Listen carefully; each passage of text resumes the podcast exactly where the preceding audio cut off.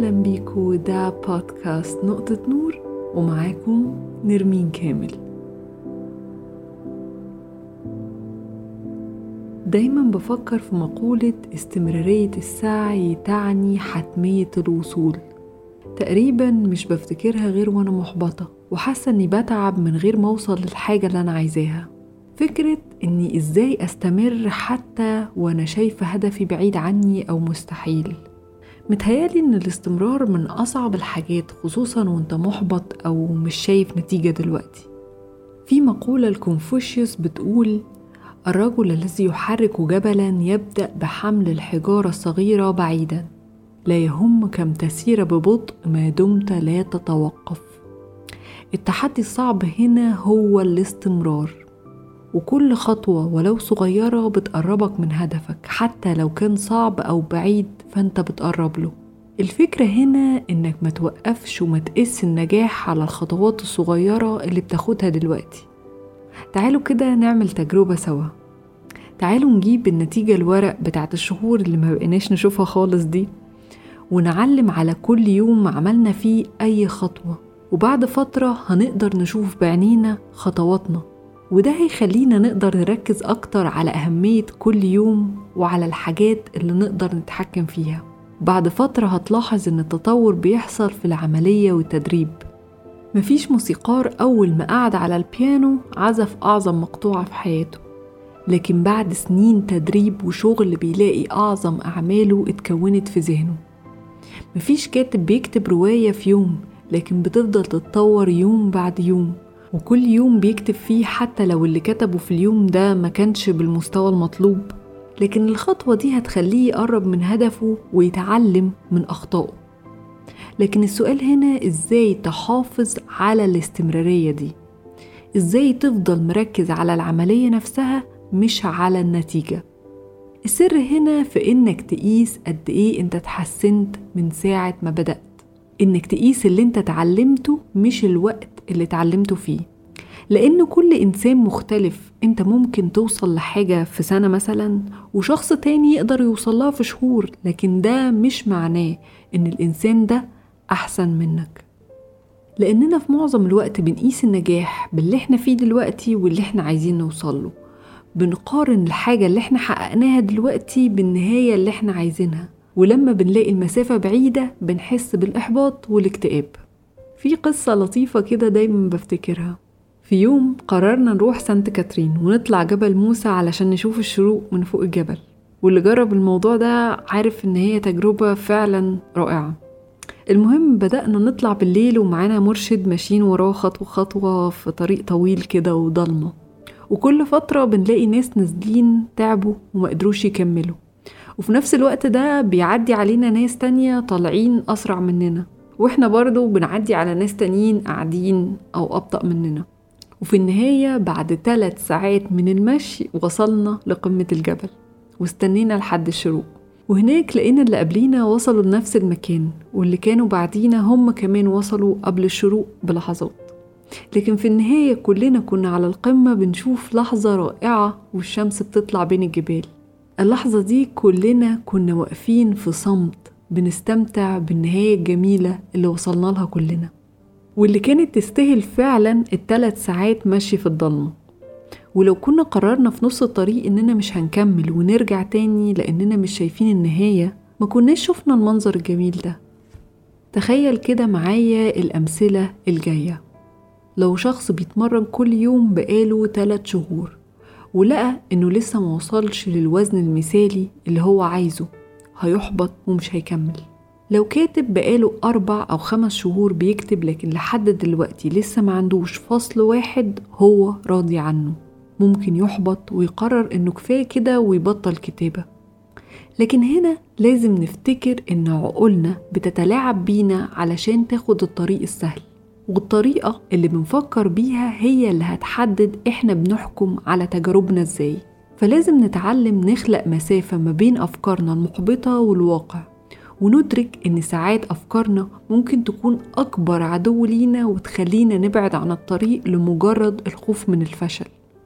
دان سوليفان مؤسس استراتيجيك كوتش بيستخدم الأمثلة اللي فاتت كطريقة لقياس التقدم عن طريق الفجوة.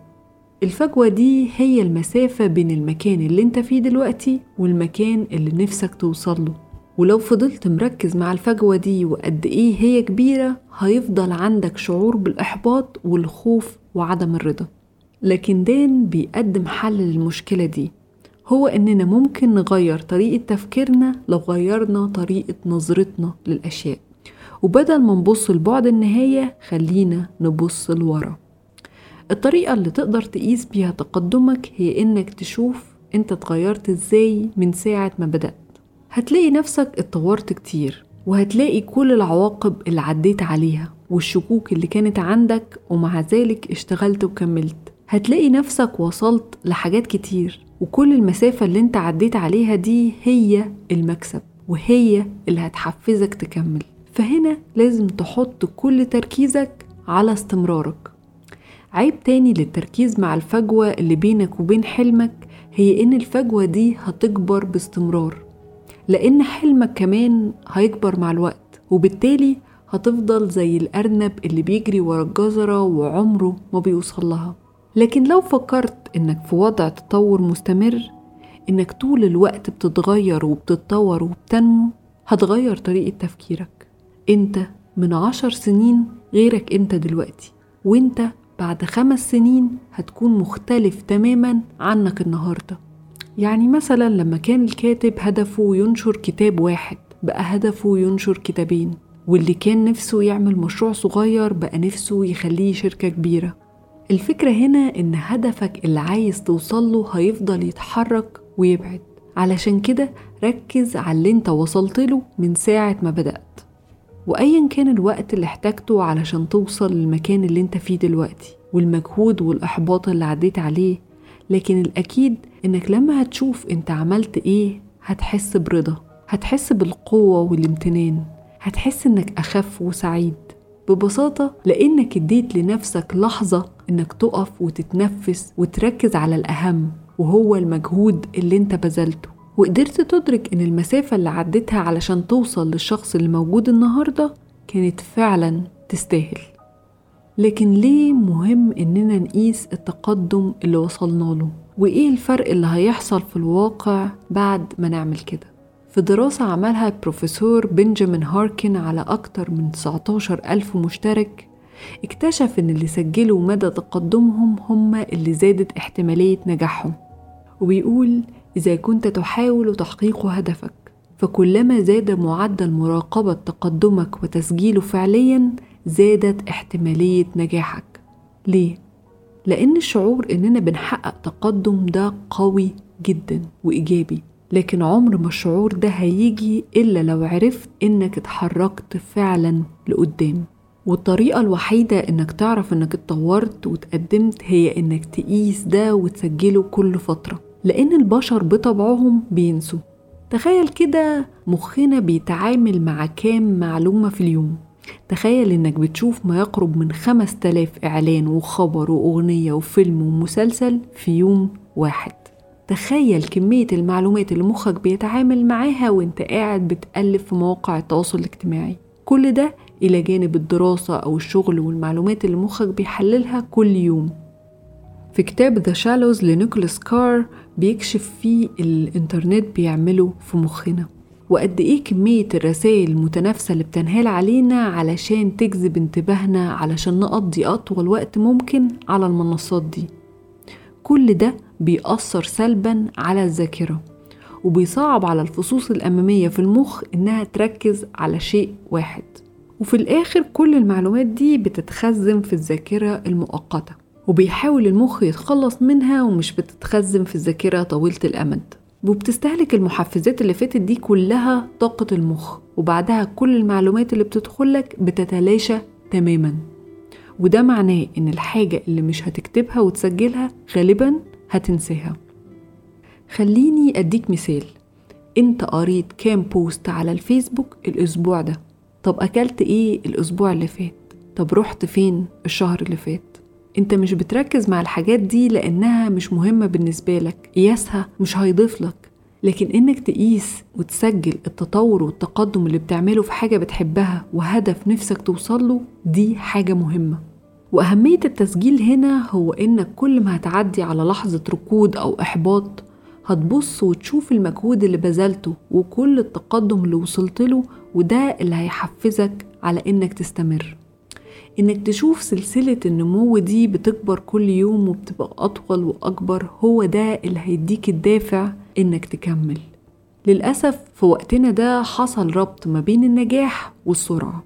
بقى النجاح ده لو ما قدرناش نوصله في سنة يبقى خلاص كده مفيش أمل ومش لازم نكمل. النوع ده من التفكير خلينا طول الوقت بنجري علشان نلحق. سباق وهمي كده كلنا مطحونين فيه ومش قادرين نقف وننبسط باللي إحنا وصلنا له. بنجري طول الوقت ورا أهداف جديدة وبنرفع باستمرار سقف طموحنا من غير ما نفكر هو ده فعلا اللي إحنا عايزينه؟ ولا علشان شايفين ناس تانية غيرنا بتوصله فلازم نكون زيهم؟ ونتيجة للسباق الوهمي ده اتزرع جوانا شعور بعدم الرضا وقلة تقدير للذات وتربى فينا كره لمكاننا الحالي. وبقينا طول الوقت بنجري وبنطارد أحلام خيالية صعبة لمستقبل مثالي يمكن بقى ساعتها لما نوصله نبقى سعداء.